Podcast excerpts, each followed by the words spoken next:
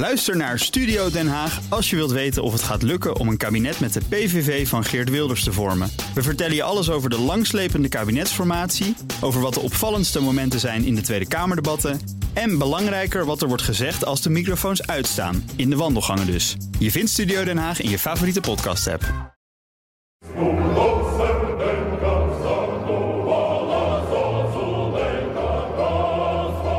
De geopolitieke alliantie.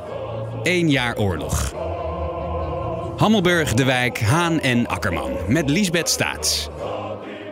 De oorlog in Oekraïne nadert het eenjarig jubileum. Ja, jubileum, dat blijft een raar woord in deze omstandigheden.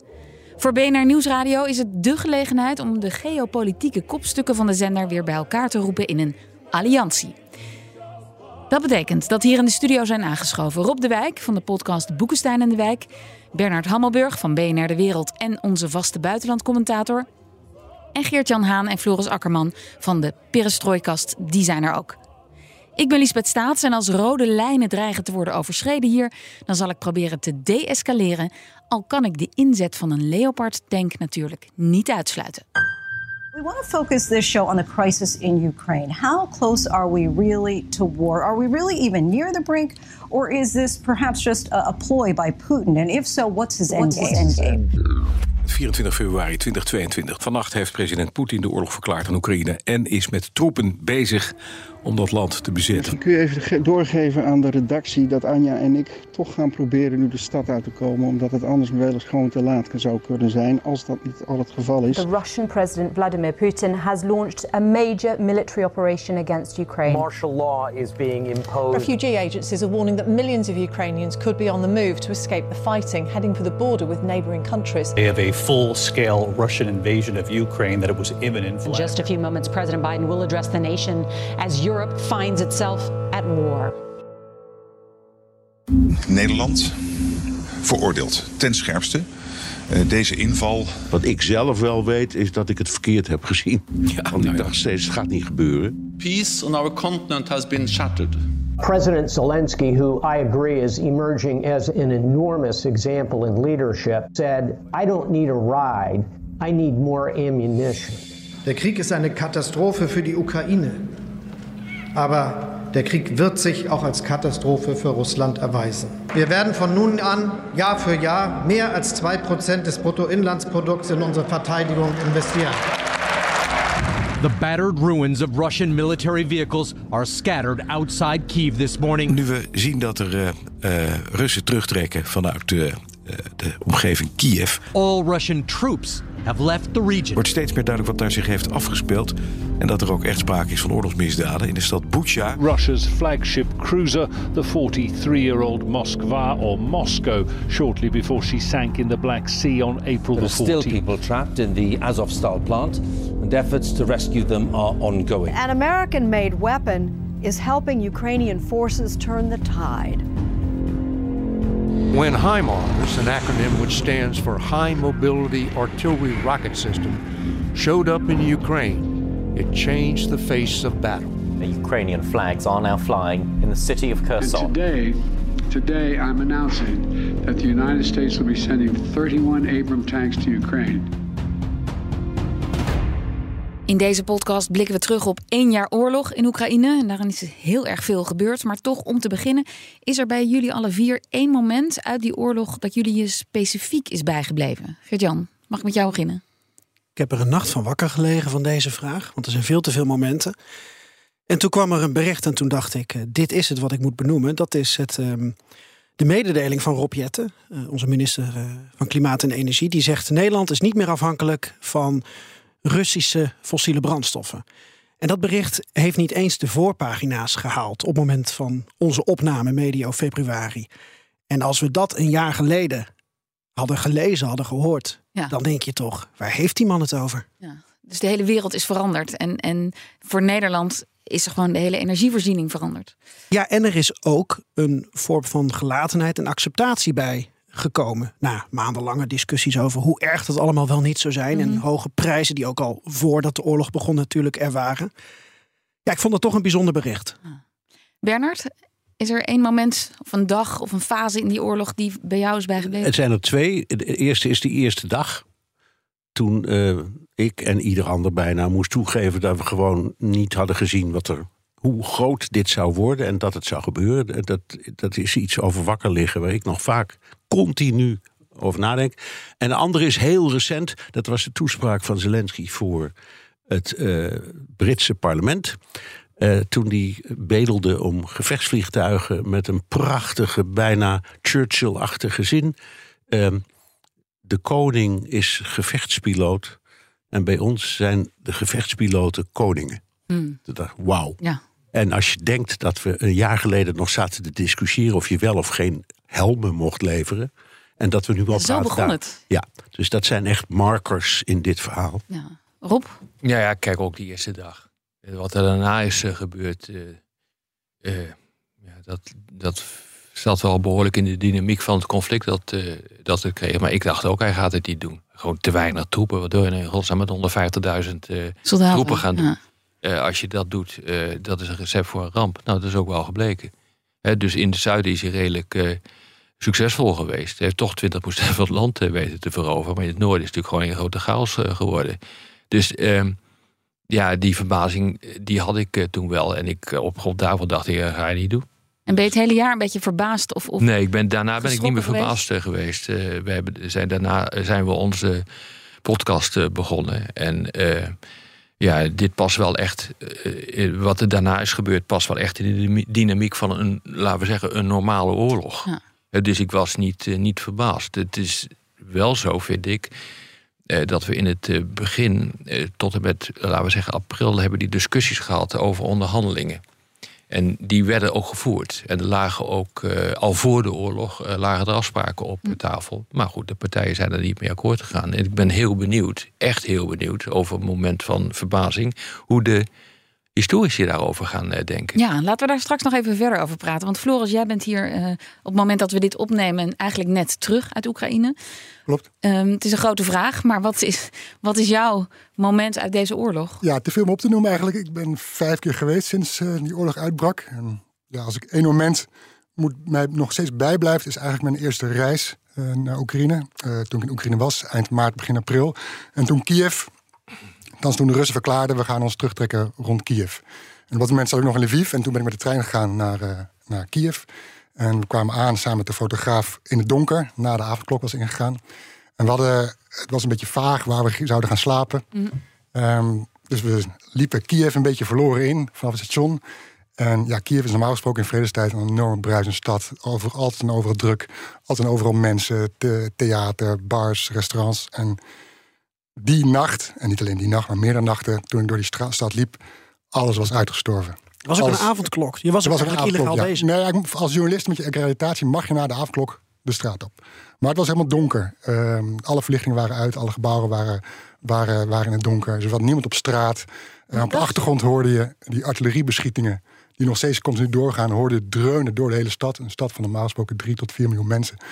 Ja, dat was gewoon, alle leven was eruit. Ja, en wat dat dacht je toen? Ik dacht, ongelooflijk, wat is, wat is, wat is met deze stad gebeurd? Ja. Hoe een oorlog zo snel, hoe dit, dit een stad kan aandoen. Laten we even terug naar die dag die jullie net ook al benoemden. De dag dat de invasie begon, 24 februari. Heel vroeg in de ochtend werden we opgeschrikt door berichten van explosies in heel Oekraïne. En Russische militairen vielen vanuit drie kanten Oekraïne binnen. Um, ja, Bernard, je refereerde er al aan. Deze alliantie zo is al twee keer bij elkaar geweest. En net voor de oorlog was er ook een opname. En toen was eigenlijk de consensus dat zo'n echte invasie er wel niet zou komen. Poetin Nee. zou daar wel niet toe overgaan. Nee. En ja, toen gebeurde het toch. Toen gebeurde het toch. Ja. Ja. En, en, en nogmaals, nou ja, Rob zei het net ook. Wij, wij allemaal. We, alle, we hadden geen van allen eh, de indruk dat dat zo zou gebeuren. En ook zo groot zou gebeuren. Omdat het, het was niet logisch. Eh, als je door de, misschien als je door de Russische krijgsgeschiedenis kijkt, dan zie je dat het misschien ook weer niet zo bijzonder is, omdat ze eh, vaak aan grote conflicten hebben deelgenomen. En wat ze uiteindelijk vaak redt, is dat ze ongelooflijk veel manschappen willen opofferen. Nu ook. Ja, dus ze, knallen er gewoon steeds maar nieuwe duizenden mensen heen. Kanonnenvoer. En wij, wij- en wij zitten dan te redeneren, wat voor soort wapens hebben ze en hebben ze er wel genoeg en kan dat allemaal? Het enige was strategische wat ik op die dag eh, wel slim vond van de Russen is dat ze heel erg hebben ingezet op het bombarderen van startbanen. Zodat de, de, de Oekraïnse luchtmachtbasis waren uitgeschakeld en daarmee de Oekraïnse luchtmacht. Zeggen, zeggen, militair gesproken vond ik dat het meest interessante aspect. Ja, één dag. Daarna ging het fout. daarna maar daarna nee, weken ze van het plan af. Nee, nee, nou ja, de, eh, het- ze hadden gewoon geen goed plan. Dat, eh, we weten dus nu inmiddels, eh, dat was ook mijn verbazing, van waarom doe je dit in godsnaam? Eh, we weten nu dat men dacht dat eh, een derde van de Oekraïnse krijgsmacht zou overlopen. Men dacht dat ze wel met uh, toetertjes en vlaggen zouden worden Onthaald. onthaald. En dat is verklaard ook, kan je dat nog herinneren? Die enorme file van 60 kilometer van militaire Ja, die voertuigen. Die, die kwamen dus over één weg. Die konden ook de weg niet af, omdat je anders in de prut wegzakt. En dat, dat komt alleen maar omdat men dacht van ja, we kunnen gewoon doorrijden naar, Kiev. Dus op het gebied van inlichtingen is dit een magistrale fout eh, geweest. Dus die voorbereidingen die schijnen dus eigenlijk al bijna een jaar daarvoor zijn eh, begonnen. Maar eh, men is, heeft er totaal verkeken op ja, de bereidheid van Oekraïne om te vechten. En dus ging men erin zonder goede logistiek, zonder goede intel. En men dacht van, dit redden we wel. Maar ik kan me dat bijna niet voorstellen. ik ook niet. Dat ze dachten dat ze met vlaggen onthaald zouden worden. Nee, dat is ook de reden waarom wij hebben gezegd van... dat ga je niet doen, want je wordt niet met vlaggen onthaald. Maar wat hier... Ja, dit is zo krankzinnig dat men dat heeft gedaan... dat het bijna niet te geloven is. Daar kan je een film over maken hoor, later... eh, over hoe, dat, hoe die eerste dagen zijn eh, verlopen... en wat er gebeurd is in het Kremlin. En, en de manier waarop ze dachten, als ik, naar mijn idee, eh, was ze dachten, ja, een heel groot deel is etnisch Russisch of heeft heel veel Ja, warme exact. gevoelens voor Rusland. Maar het, ik heb het toen vergeleken met België. Ehm, het- er zijn meer redenen om dat land te kunnen vergelijken met België, hè, met Mm. twee kanten. Maar als je eh, een Vlaming eh, vraagt of die deel wil uitmaken van Nederland, dan, dan, vraagt, dan kijkt hij aan of hij water ziet branden. En hetzelfde geldt voor iemand uit Wa- Wallonië. Dat is een etnische Fransman of vrouw. Maar die wil geen deel uitmaken van Frankrijk. En, en, en Poetin dacht volgens mij in zo'n situatie dat dat wel zou Maar gebeuren. Bernard, we hadden het nog eh, begin februari erover. Toen zat ik in Kiev en toen zat ik nog in jouw uitzending bij de Wereld. eh, vanuit eh, Hotel Oekraïne, bij, bij Maidan is dat in Kiev. En, en toen vertelde ik nog over alle mensen die ik sprak. Alle verhalen die ik ook hoorde uit mensen die in Mariupol net waren geweest. Het, het Oekraïne zijn. Dat zat er al zo sterk in. Dat Die is- identiteit. die identiteit, dat is sinds 2014 versterkt. En daarmee zeggen we niet alle mensen in heel Oekraïne. Maar het was het overgrote deel, ook in de gebieden in het oosten... die eh, in Ja. 2014 eerst in Ja, Rusland, je- eh, feit- feit wat jij Ruslands handen beschrijft, kwamen. Ja. Ja. Ja. En eh, volgens mij was het, jullie weten dat beter, die meneer van de CIA is dat meneer Burns, die eh, drie maanden eh, voor de oorlog al eh, tegenover Patrushev zat. En die zei: eh, We weten wat jullie gaan doen. We weten wat jullie van plan zijn. En het lijkt wel alsof een handjevol mensen in het Kremlin, met name eh, Poetin en de FSB eigenlijk, als enige maar niet door wilden hebben. Wat voor, ik weet geen ander Nederlands woord ervoor, wat Ja. voor fuck-up Ja. ze, ze, Ja, ze aan ik- het doen waren. ik- volgens mij heb ik het toen ook verteld. Maar ik was een paar maanden voor die inval was ik in Moskou. Dan heb ik iedereen voor me langs gehad.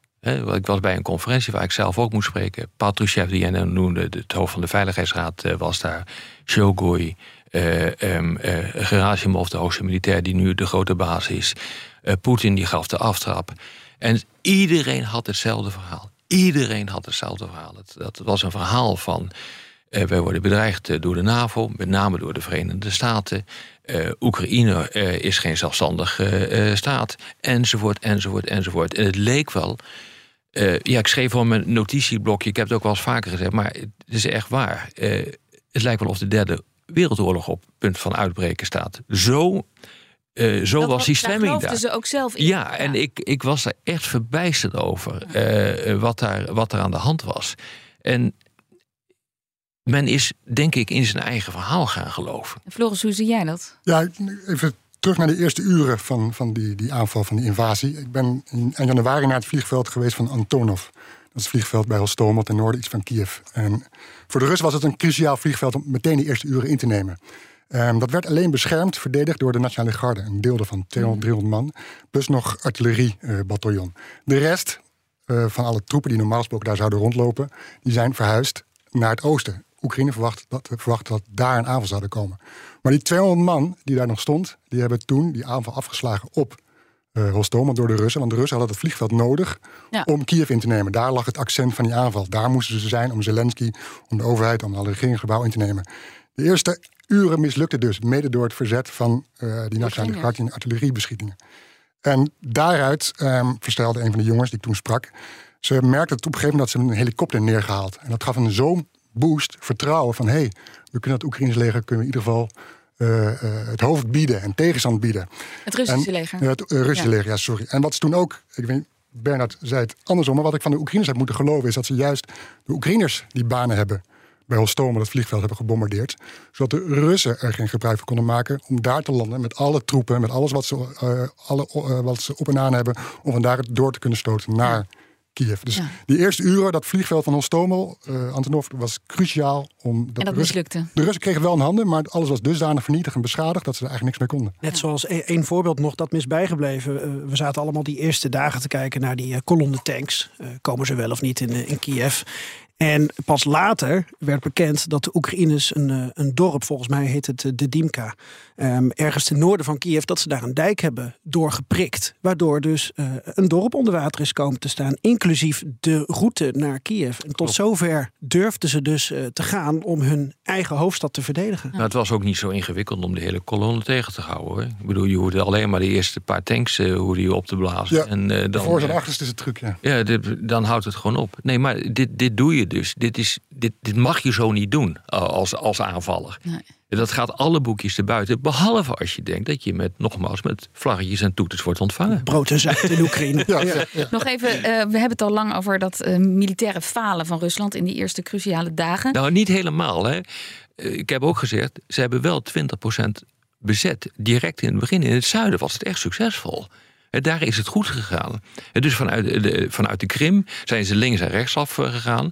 Met moordend tempo is daar gewoon de hele boel bezet. En, Ja. de, en, en Oekraïne had ook geen weerwoord daarop. Dat, eh, Maar er ligt hier een kaart voor mij eh, met de, de, de, de aanvalsroutes van de invasie in Ja. het begin. Vanuit het eh, noorden richting Kiev dus, die kolonne onder Ja. andere. In het noordoosten rondom Kharkov en in het zuiden vanaf de Krim inderdaad. En op dit kaartje is dan alles nog rood, wat nog in Russische handen is. Maar daar het noorden en noordoosten is alweer aardig blauw. Oekraïens, dat is dan weer heroverd.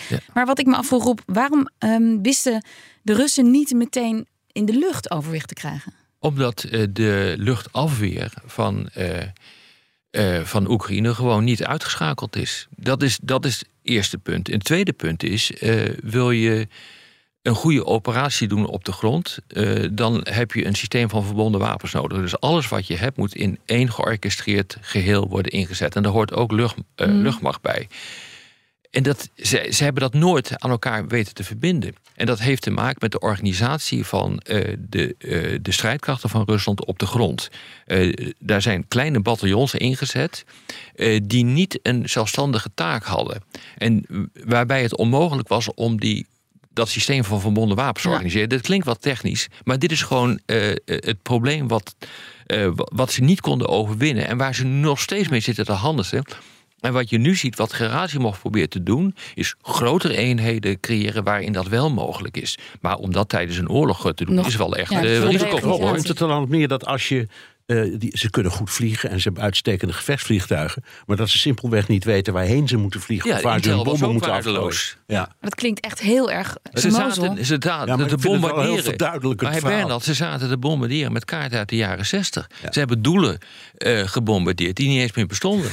Wat ik begreep van. ehm, Sorry dat ik al moet lachen, maar dat Ja, maar het is ook krankzinnig. Ja, die, dat waren dan vroeger wel. Dan, vroeger in de jaren 60, als die kaarten gebruikten, er waren dan wel kazernes waar militairen zaten. Dat is nu omgetoverd tot een school of tot een, tot een winkelcentrum. En die wordt dan gebombardeerd. Ja, maar, maar de inlichtingendiensten moeten dat toch weten? Ja, dan, Nou ja, of maar of, dit is of een- men wilde niet geloven, of Dan Poetin kom je wilde niet een- luisteren. Je komt bij een aantal cruciale punten uit. En ik heb ook nog eh Darren Messico, is een van de beste Rusland-onderzoekers ter wereld van Rand Corporation. Die komt ook dit voorjaar met een nieuw rapport over eh, wat is er in hemelsnaam allemaal gebeurd. En wat sneak previews daarvan al, al begrepen. Eén, uh, kijk naar de inlichtingen. Je hebt verschillende inlichtingendiensten in Rusland die elkaar eigenlijk de tent uitvechten. Uh, de GRU zou eigenlijk het meest verstand moeten hebben van wat er allemaal gebeurt. Mm. Maar Poetin en Patrushev van de, zijn van de FSB. Dus die hebben eigenlijk aan de touwtjes getrokken. Nou, dan heb je dus al verkeerde inlichtingen, kunnen we achteraf constateren. En met betrekking tot die uh, piloot, en dat gold natuurlijk ook voor, voor, voor die arme Russische grondgroep, om dat even zo te noemen. Um, Niemand was hier uh, op tijd op voorbereid. Iedereen werd verteld dat ze wat anders gingen doen, dat ze gingen trainen. Of in het geval van de piloten, dat ze dus inderdaad een aantal maanden wel gingen oefenen om strategische doelen te bombarderen. Zoals die vliegvelden, wat ook is gebeurd. Maar wat ik dus begrijp van militaire experts is als je uh, een land wil verzwakken uh, ja. op dat soort terrein, dan stop je daar niet de één of twee dagen mee. Dan doe je dat een paar weken consequent voordat je dus met grondtroepen het land in gaat. Nou, Poetin had een ander idee. Die geloofde dus in die joelende Oekraïners die in Kiev op zouden wachten. Dus die grondtroepen die gingen erin. En toen moesten die piloten dus uh, steun aan die grondtroepen gaan geven. Ja. En was dat gameplan ineens veranderd. Ja, en daardoor heb je ook geen goede logistiek. Om maar eens wat te noemen. Als je dus denkt dat je er zomaar in kan gaan. En zonder al te veel uh, problemen. Dan heb je ook je logistiek niet op orde. Nee. En dat hadden, ze dus, dat hadden ze dus niet. Ze konden niks aanvoeren. Ze konden munitie niet voldoende aanvoeren. Nee. Dit is gewoon. Voedsel. Ze hadden geen Voedsel. gesmeerde boterhammetjes nee. klaar liggen. Nee. Echt krankzinnig. En die kregen ze niet van de Oekraïners. Nee. Brandstof heb je nodig. Nou, alles was op voorbereid om binnen drie dagen de boel in te nemen. Dus niet ja. berekend op dat was met lange je hit oorlog. Run. Maar ja. het rare is, hè, dat, dat is ook zo. Die fout wordt continu gemaakt. Herinner je de Kosovo-oorlog misschien ook niet hoor, van 1999. Zeker. Toen werd er ook gedacht dat binnen drie tot vier dagen uh, wezen de wargames uit dat, dat, dat de klus geklaard was. Dat was dus niet zo, duurde maar, maar wat is dat dan? Overmoed? van, van uh, shock en awe van de Amerikanen. Exact. Die dachten we gaan Ja, even winnen in, uh, in Irak. Het is een overschatting van je eigen eh, capaciteiten. En dat doen de Russen continu aan. Eh, en een onderschatting van de capaciteiten van de, Van de tegenstander. tegenstander, ja. En, eh, en dat is, ja, kennelijk moet je je eigen capaciteiten eh, overschatten om überhaupt de stap te kunnen nemen naar een oorlog. Ja. En, en Bernard, we kennen jou als iemand die graag ook door de bril van de ander kijkt. Denk jij, even terug naar die beginfase, dat het ook echt Poetins bedoeling was om heel Oekraïne in te nemen? Nee. Dat kan niet. Nee, dat kan, dat kan niet. En ik denk dat wat dat betreft, dat het- de meest, wat we het meest horen, is dat hij ehm, uit is op de Donbass. En dat kun je ook afleiden uit de periode toen er nog werd onderhandeld. De Minsk-akkoorden, die gingen ook uit van zo'n soort eh, oplossing. Hè? Dat, dat die Donbass dan eh, meer Ja, ja. Russisch zou worden. Maar dat zou dan wel in een, binnen een federatie met eh, Oekraïne. Maar in elk geval het, het, een, een soort... nou, ik, weer, ik kom weer terug naar het idee van België. Dat is ook een federatie geworden met eigenlijk twee onafhankelijke landen. En vijf Zoiets. overheden of zo? Ja, ja, ja, ja zes, zes, zes, zes parlementen, zes, zes, eh, regeringen. Eh, nee, maar, maar eh, en dat ze. Dus ik denk dat dat het plan was. Ehm, dat je dan. eh, ik weet niet, Rob weet daar veel meer van dan ik. Maar dat je al op het moment dat je zoiets wil, dat je ook buiten het, het terrein dat je oog, beoogt aanvallen uitvoert om de tegenstander te verzwakken. Dat zou best kunnen. Dus dat zou de reden kunnen, geweest kunnen zijn waarom ze ook dachten: we gaan helemaal door Maar tot Kiev. Ja, precies, Want dat, ontmo- dat ontmoedigt verzet. Ja, ze wilden de regering afzetten. Dat was het idee. Ja. Ja. En ze dachten ook, ze, ze dachten Nou, ook ja, niet alleen. Ze dachten ook, dat, niet. ze dachten ook dat Zelensky eh, zou vluchten. Ja. Dat, was, dat was ook het idee van Die Zelensky gaat weg. Die laat zijn volk is in de steek. geweest, ook met de Amerikanen. Eh, laat zijn volk in de steek. En ja, wat doet een volk zonder zijn leider? Die weet ook niet wat hij moet doen. Dan stort de hele boel in elkaar. Ja, maar maar- Zelensky bleef, en dat is een van de beslissende momenten van die begindagen. Die riep in een video van: Ik ben hier, wij zijn hier, de minister is hier. En dat straalde naar die bevolking zo uit van: Oké, we gaan Maar hoe zou je dat dan willen doen? Eh, met 150.000 militairen.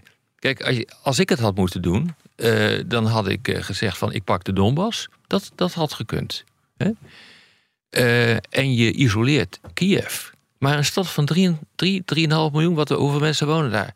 Met, met zo weinig troepen, 100, met 50.000 uit het, uit het eh, noorden, die niet allemaal tegelijkertijd kunnen worden ingezet, omdat zelfs militairen ook moeten slapen. Dus je, kunt, je hebt misschien 15.000 eh, man beschikbaar om Denk- dat te doen. Hoe, hoe, hoe zou je dat willen doen? Omdat het enige wat je kunt doen is, is Kiev isoleren, bombarderen. En, de- en dan maar hopen dat, eh, dat Zelensky weggaat. Dat is het enige wat je kunt doen. Omdat ik denk erop dat Poetin en een paar andere mensen in het Kremlin... want eh, het zijn dus echt maar een paar mensen geweest... die dit Zeker. absurde plan hebben uitgevoerd en slecht hebben uitgevoerd... Die paar mensen hebben waarschijnlijk geloofd in de onderwerping van, van Oekraïne. Dat Oekraïners net zo slaafs uh, zich zouden gedragen als zijn eigen volk en als zijn eigen, zijn eigen leger. Want, en als Europa. En als Europa. Want zij dachten dus ook, uh, dat heb ik echt meerdere malen in Moskou gehoord. Hey, dat is een decadente zooi, even mijn woorden. Maar het kwam er wel redelijk op neer. Die eigenlijk alleen maar met LBHT, uh, nou ja, dat soort ja, toestanden ja. bezig is. En voor de rest niks. He, die, ja, ja. het is gewoon decadentie. En die, een zwakke club. Ze die hebben geen ballen. Doet. Exact. Ja. En dat blijkt er wel tegen te vallen. Maar en over Zelensky gesproken, dan komen we ook bij het punt van de mentaliteit van de Oekraïners en de, nou ja, de kracht van de leider in oorlog. Um, Floris, je zei net al, ja, ik ben hier, dat, dat fragment, dat videofragment, ik ben Mhm. hier, de staf is hier, we blijven hier. Dat noem je cruciaal. Uh, het moreel van de Oekraïners wordt ook steeds geroemd, hè? Zeker. ook in speeches uh, over uh, Oekraïne of in interviews. Um, als jij daar bent, is dat een, een voelbare houding van Oekraïne onder, op, nou, onder de mensen die jij spreekt? Ja, die houding was eigenlijk al bekend. Ik was er ook een paar weken voor die, voor die uh, invasie. Die, die, voelde je toen al aan uh, bij iedereen. Dat die, iedereen was bereid om te vechten. Iedereen was bereid om ervoor te gaan.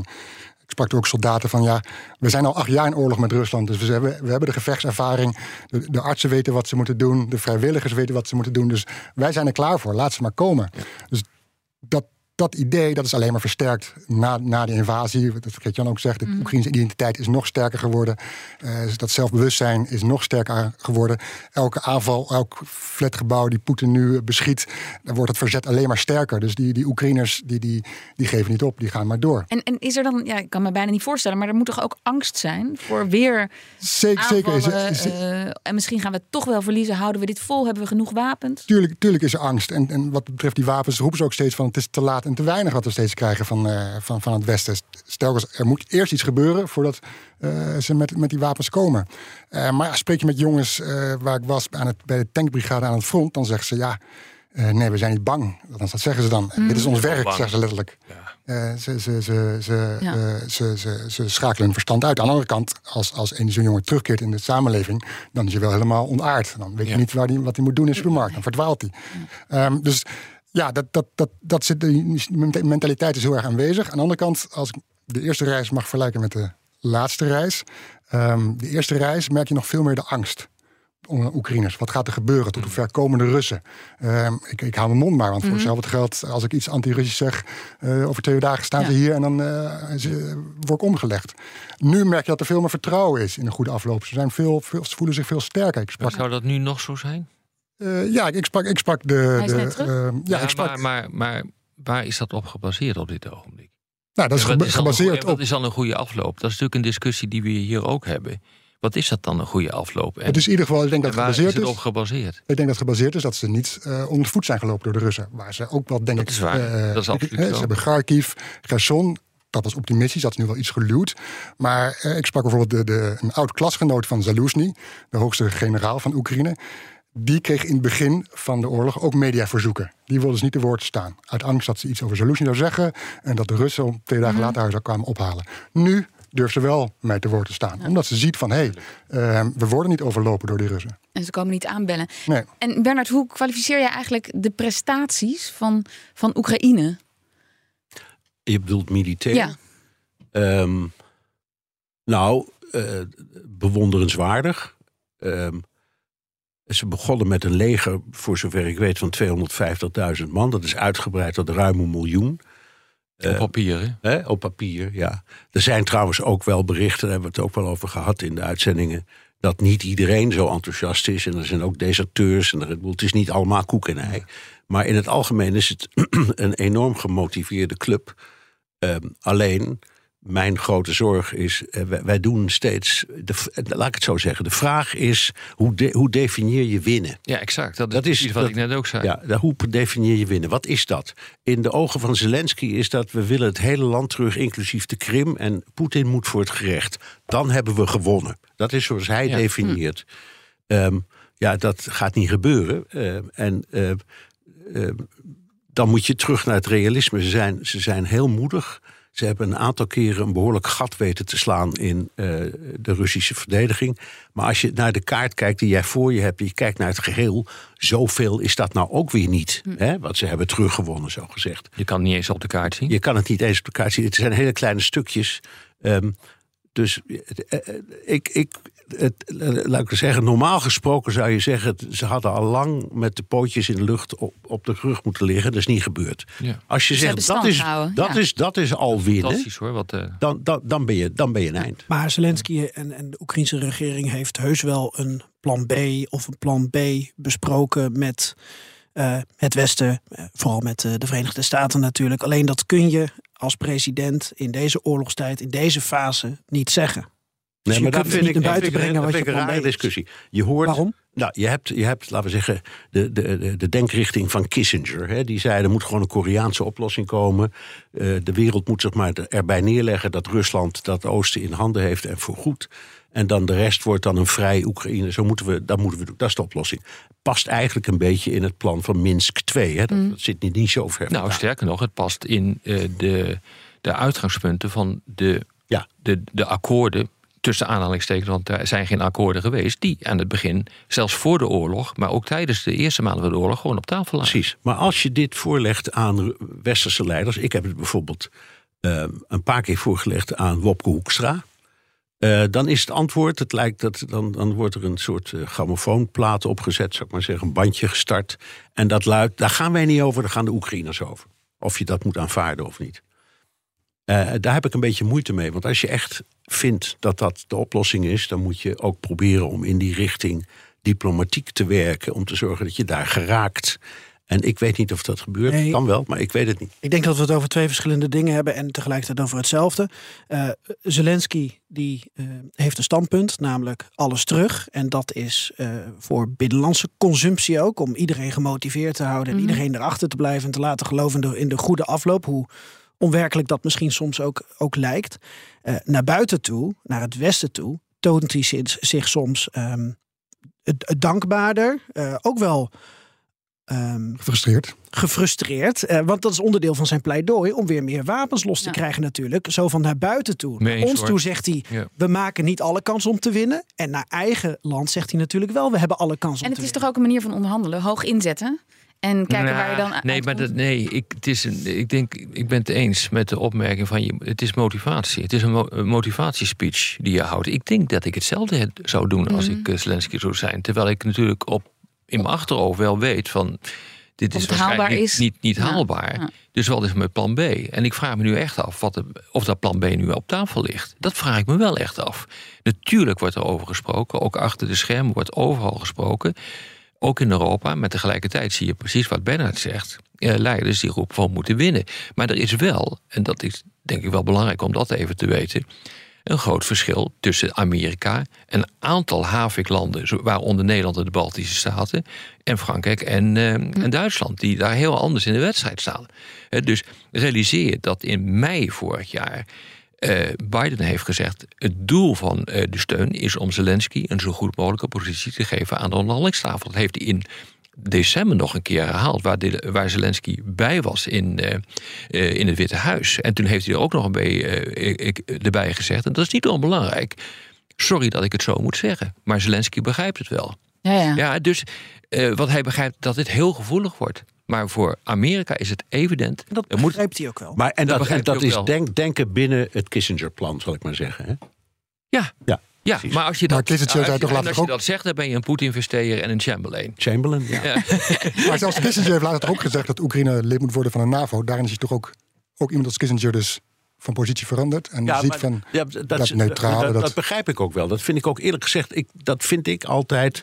ehm, dat, maakt, dat maakt op mij de, de indruk van een, een, intellectuele benadering. En een intellectuele benadering betekent dat je beïnvloedbaar bent door omstandigheden die veranderen. En, en Kissinger zei: ik was er altijd tegen. Maar zoals het er nu voor staat, ja, dan ben ik er eigenlijk wel voor. Ja, voortschrijdend inzicht. Ja, precies, zo Ja. gek is maar, het. maar maar. dan wordt er dus in het debat wordt er gezegd van hij is van mening veranderd. Maar ik bedoel, ik, twee maanden geleden had ik eh, kunnen zeggen het gras is geel, want het regende niet.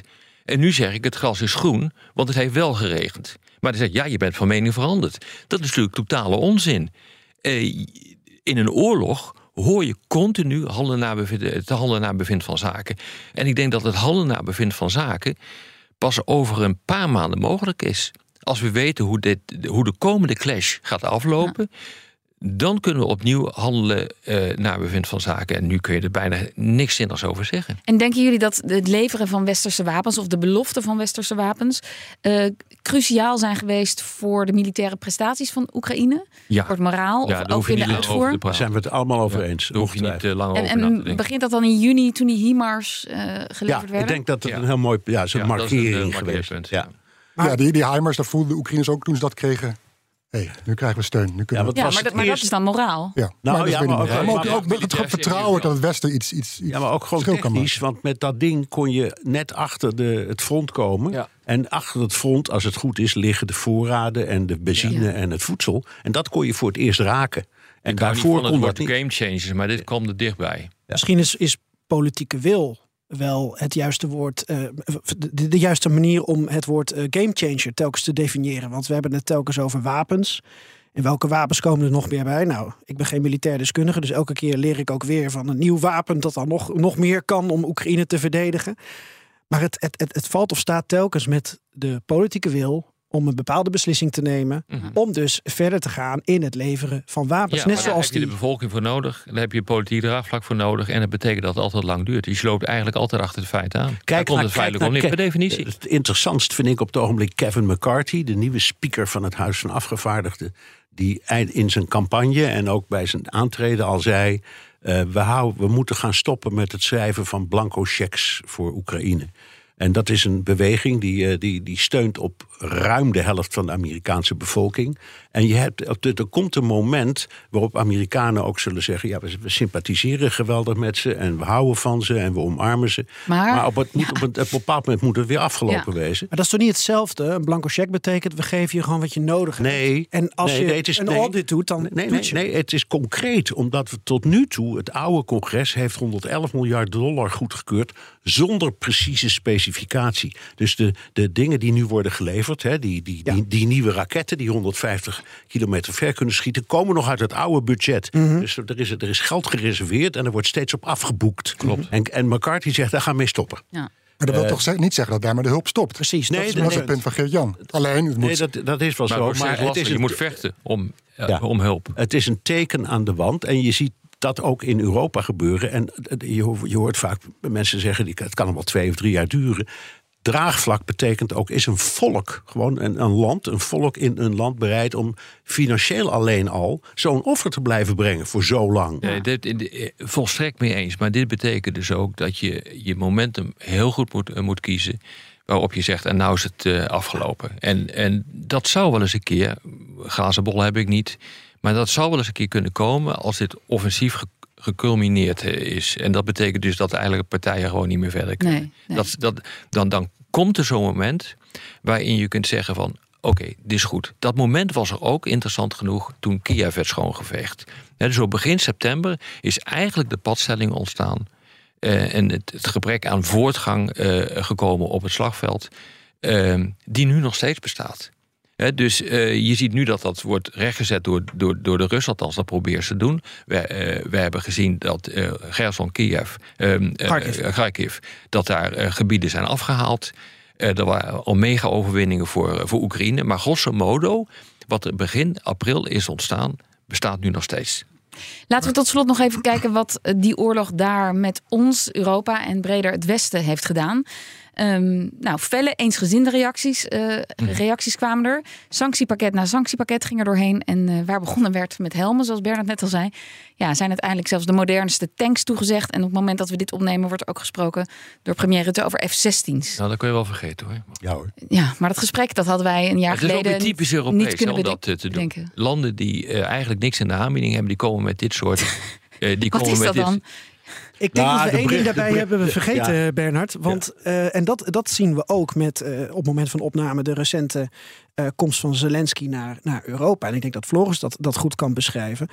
Elke keer zijn we toch dus uh, gevoelig voor de Oekraïense lobby. Elke keer zijn we gevoelig voor Zelensky die zijn hand ophoudt in dat uh, groen-olijven shirt. Zeker. Voor het Oekraïense volk dat keer op keer die filmpjes maakt van al die wapens, van de HIMARS, van een zinkende Moskwa. Het wordt geïdealiseerd en wij zijn daar toch gevoelig voor in Europa. Ik even, even doorheen kijken. Het Verenigd Koninkrijk. Ja, jij bent er niet gevoelig voor, nee, weet Nee, ben ik niet gevoelig voor. Het Verenigd Koninkrijk heeft uh, gezegd... nou, we willen misschien wel praten over gevechtsvliegtuigen. Als je kijkt naar welke gevechtsvliegtuigen... Die hebben ze helemaal niet nodig. Nee, nee maar dat zijn, dus, dat zijn dus opleidingstoestellen... met twee uh, ja. zitplaatsen en die helemaal niet laag kunnen vliegen. Dus je hebt er helemaal niks je aan. Niks aan. Die willen ze dan misschien wel leveren. Ja, daar heb je niks aan. Dus, dus het is ook een beetje... Uh, we spelen het spel van Zelensky een beetje mee. mee. Maar als puntje bepaald ja. komt, gaan we dat soort dingen niet echt, doen. Hoor, neem van mij aan, die discussies op hoog niveau in Amerika lopen echt totaal anders hierover. En uh, daar wordt de, de, de, koppeling gemaakt tussen die ATACMS, dat zijn die systemen die 300 kilometer ver kunnen schieten, maar ook de levering van Grey Eagle drones, mm. die zeer capabel zijn, maar ook met heel veel geheime technologie, dus die wil je ook niet kwijtraken. En F-16's wordt echt gekoppeld als de strijd in een totaal nieuwe fase komt. En wordt nu, worden nu ingezet als een afschrikking in de richting van Rusland van ga niet te ver, want dan zou dit kunnen gebeuren. Dus je moet ook drempels inbouwen. Maar hier in Nederland weet je, die, die, die, de, dat debat in Nederland is gekmakend, ook in de politiek. Dat is zo totaal niet strategisch dat, dat ik, ik ben ook gewoon opgehouden om de Nederlandse kranten daarover te ja, lezen. Want het is gewoon echt... Ja, maar nou even, als ik mag op jouw vraag, hè, wat heeft het dan voor de positieve kant? Die moet je ook benoemen, vind ik. Uh, ik had nooit durven dromen dat ondanks alle barsten en kraken en oneenigheid en gebrek aan inzicht van een aantal leiders, dat uh, het gevoel van solidariteit binnen de NAVO zo groot zou kunnen ja, worden. dat verbaast mij dus niks. Nee, maar dat vind ik echt. Ik, vind het, ja, dat, dat ik ben blij, maar ik, ik wel. Ik vind het na de periode Trump en het wantrouwen dat in de eerste periode van Bidens regering nog steeds voortduurde. Van ja, dat is dan wel een nieuwe, maar zou die terugkomen op de terughoudendheid van Trump? Dat is omgeslagen en ik vind dat een goede ontwikkeling. En ik merk ook dat in, ook in Europa, laten we zeggen, de rol, de rol van landen die je er zijn wel uitzonderingen, maar de meeste landen die proberen toch op een hele creatieve manier mee te denken in dezelfde zeker, richting. Zeker. Maar ik ben niet verbaasd. En dat is denk ik wel ook nog even terugkomen op het gesprek wat ik, het laatste gesprek wat ik in Moskou heb gehad. Toen kwam er ook een, een kennis van naar mij toe en zei: Rob, als wij invallen, weet je, uh, jullie zijn te verweekt. Die zei, maar jij onderschat gewoon de dynamiek van een democratie. Op het moment dat wij denken dat onze belangen echt op het spel staan. Of dat dat nou echt waarden zijn, of dat dat concrete belangen zijn, veiligheidsbelangen. En dat is nu aan de gang. Mm. Moet je eens kijken wat er in een democratie gaat gebeuren. En dat is ook gewoon nou ja, gebeurd. Ik zag, ik zag de, die Europa-tour van Zelensky. En hij was ja. in het Europees Parlement. Werd hij onthaald als een soort popster. Ja. Dat heeft, is ook natuurlijk zijn type, zijn persoonlijkheid. Maar hij kreeg de Europese vlag. Alle mensen weer de broeder werd gespeeld. Het was echt ook op gevoel van solidariteit. En Oekraïne hoort bij ons. Nou ja, maar het is ook gewoon wat er aan de hand is. Is, is ook nogal betekenisvol, ook voor de Europese veiligheid. Hier wordt opnieuw de kaart van uh, de, de, Europese veiligheidsarchitectuur uh, getekend. Mensen kunnen misschien dat allemaal niet zo goed benoemen, maar voelen haarfijn aan dat dit een, een bepalend moment in onze ja. geschiedenis is. Maar hoe lang blijft dat? Dat kan wel eens heel lang blijven. En dat zal denk ik nog wat dieper worden als Rusland daadwerkelijk gaat, verder gaat opmarcheren. En, en die oorlog voor Oekraïne steeds lastiger Maar willen wordt. wij daar dan ook voor blijven betalen? Ja, dat denk ik wel. En uh, dat, dan zijn we dus zelfs bereid, als Rusland over drempels gaat, letterlijk de drempels, bijvoorbeeld de Dieppe. Uh, uh, dat er een, een ja. momentum komt dat men zegt, nou oké, okay, dan toch maar F-16's. Ja. Denk ook op basis van de verkiezingsuitslagen in Europa van, van 2022. Die vielen allemaal, laat ik het zo zeggen, de pro-Oekraïnse kant op. Macron bleef president, uh, Meloni uh, ten opzichte van haar uh, uitdagers als, als Berlusconi en uh, hoe heette die andere man? Matteo Salvini, Salvini. heeft zich pro-Oekraïns ja. opgesteld ja. en achter het Europese verhaal geschaard. En ik denk ook, het is misschien moeilijk te benoemen hoe groot het draagvlak is, maar over het algemeen is de weg die in Europa is ingezet tegen het autoritaire optreden van Poetin. Ja. There's no way back, wat dat betreft. En we hebben het ook twintig jaar volgehouden in Afghanistan hoor. Maar ga even niet vergeten hoor. Was ik niet bij Rob. en uh, Floris, hoe kijken ze in Oekraïne naar, naar die steun? Nou, ik, ik, toen de afgelopen weken uh, weer door Oekraïne, Oekraïne reisde en ik vertelde dat ik uit Nederland kwam, was het echt opvallend dat men zei van, oh, dat kleine landje dat eh, staat voorop om, eh, om het voor ons op te nemen. Dus ja, daar, daar, daar, dat valt op, Nederlandse rol. Ehm, blij met steun, maar elke keer is discussie te weinig te laat. Dat is eigenlijk Ja. waar het steeds op voor de Oekraïners op neerkomt. Dus Ja, maar dat is, dat zeg ik, dat, dat, daar hebben ze gelijk in. daar hebben ze En we zijn misschien te weinig te laat, maar we zijn, zoals Rob zegt, we zijn een vereniging van democratieën. Dus je kan niet zomaar per decreet even zeggen: morgen gaan de tanks heen of zoveel munitie. We hebben aan. parlementaire procedures en we, hebben, we zijn fatsoenlijke democratieën. Dus we moeten er steeds over dubben, praten, overleggen. Ik vind dat er allemaal, daar moeten ze ook begrip voor hebben. Maar je zou, je zou dan wel misschien toch beter naar toekomstscenario's kunnen kijken en daar misschien al meer op Nee, inspelen. je kunt geen toekomstscenario's maken. Die hebben we wel gemaakt. Eh, en we, we weten een aantal mogelijke uitkomsten van dit conflict. Variërend van een totale overwinning van eh, eh, Oekraïne tot een totale overwinning van Rusland. Alles wat er tussenin zit. Je kunt niet plannen op dat soort scenario's. Maar je maakt, Je jij, doet toch niet anders bij HCSS dan scenario's maken? Nou, dit gaat nog iets verder dan Maar je kan toch, HCSS, je waar kan toch wel kijken, ben. je kan toch wel kijken hoe zo'n oorlog zich ontwikkelt en kijken van, nou, stel Oekraïne heeft dit nodig of Dat, dat, wordt ook nodig. allemaal, dat wordt ook gedaan. Het, het probleem is natuurlijk, eh, Europa heeft bijna niks. We hebben gewoon echt 30 jaar bezuinigen achter eh, de rug op defensiegebied. Eh, sancties, daarmee krijg je, ik heb het al eerder gezegd, hevig bekritiseerd, maar het blijkt nu gewoon eh, waar te zijn. Sancties, daarmee krijg je Rusland niet op de knieën. Maar je is kan toch- onmogelijk. je kan toch dus het inzetten- kan alleen maar militair. En wij hebben dat Ja. niet. De Amerikanen hebben dat wel. Eh, Dus eh, we hangen echt wat dat betreft eh, aan eh, de Amerikanen. En je kunt heel moeilijk anticiperen op dit ogenblik op, eh, eh, op, op wat er komen gaat. En dus maar gewoon alles met een Big Ben naar binnen gaan, eh, gaan kraaien. En de Amerikanen willen dat absoluut niet op dit ogenblik, kan ik je melden. Want die zijn ongelooflijk bang dat als je dat gaat doen, dat de boel helemaal compleet Ja, er is nog, nog een aspect. Als het gebeurt en als Rusland wint, valt al dat materieel in handen van de Ja, Russen. oké, Dat hoor je oké. ook. Ja, is zo. Maar je kan toch uitgaan. eh, Oké, we- er zullen ongetwijfeld scenario's zijn. Je kan eh, toch ook nadenken of het verhaal gaan vertellen aan de Europeanen van. ehm, en aan de Oekraïners, ook al zullen de Oekraïners niet, niet daarna willen luisteren, van een langzame, ik noem het toch maar even het woord, overwinning voor Oekraïne. Iets wat jaren misschien gaat duren. Ehm, in Europa steunen we zo snel als wij denken te kunnen in ons tempo. Eh, Amerika voorop natuurlijk. Ehm, dan komen we waarschijnlijk uit bij wat we voor de rest van het jaar verwachten. Ja, niet dat deze oorlog in 2023 Nee, maar je moet definiëren. Nee, maar je, Bernard heeft dat ook al gezegd. Dan, moet- dan moet je definiëren wat winnen is. En wat een langzame Ja, overwinning wel moet of opleveren. niet de Krim erbij. Wel of niet gebieden van voor Jongens, maar 24 februari. Hier wordt echt te makkelijk over nagedacht. Eh, We zien dus nu op dit ogenblik wat er gebeurt in, in de Donbass. eh, waar nieuwe ehm, legereenheden worden ontplooid. Eh, we weten ongeveer wat de, de slagorde is. Oekraïne heeft volgens mijn beste berekening... en wat ik ook gecheckt heb bij deze en gene... niet meer dan 250.000 man ingezet op dit ogenblik. De, de Russen die hebben gemobiliseerd 300.000 man op papier in, eh, in september.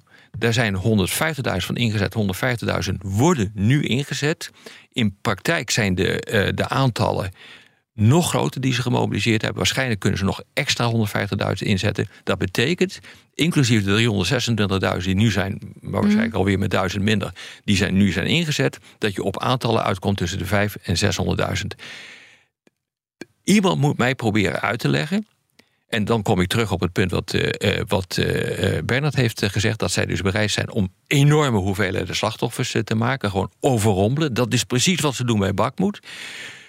Hoe je op die manier dit ook op termijn kan gaan winnen in de klassieke zin eh, van het Ja. woord. Dat is echt heel lastig. Ik ken geen enkele expert die zegt dat dat op dit ogenblik met de kennis van nu, dat moet wel heel Nee, duidelijk worden kennis- mogelijk is. Maar jullie zeggen ook altijd, al- allemaal eigenlijk eh, altijd...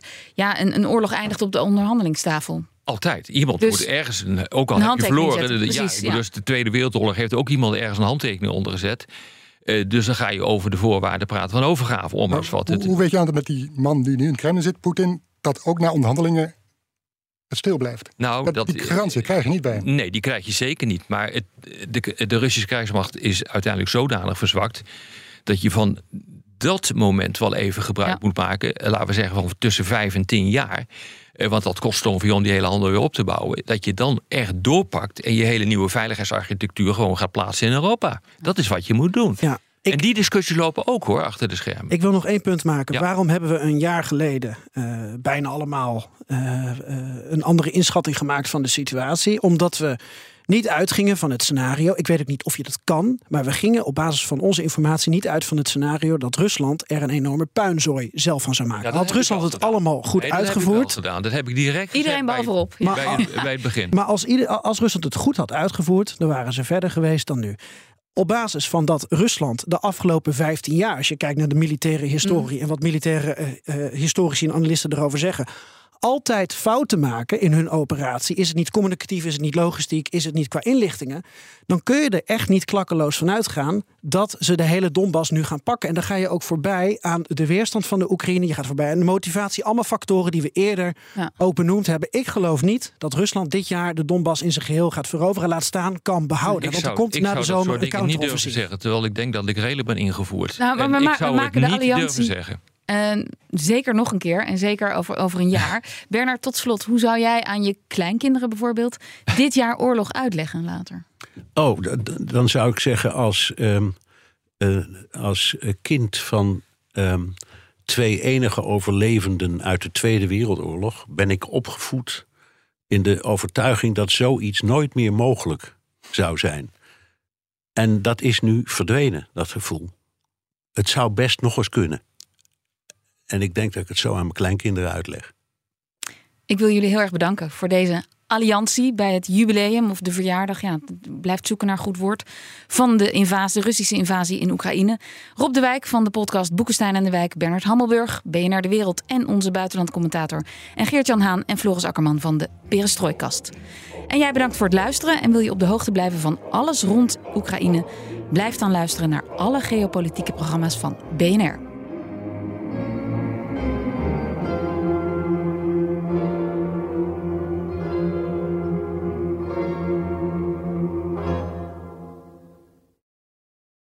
Ook Bas van Werven vind je in de BNR-app. Ja, je kunt live naar mij en Iwan luisteren tijdens de ochtendspits. Je krijgt een melding van Breaking News. En niet alleen onze podcast Ochtendnieuws, maar alle BNR-podcasts vind je in de app. Download nu de gratis BNR-app en blijf scherp.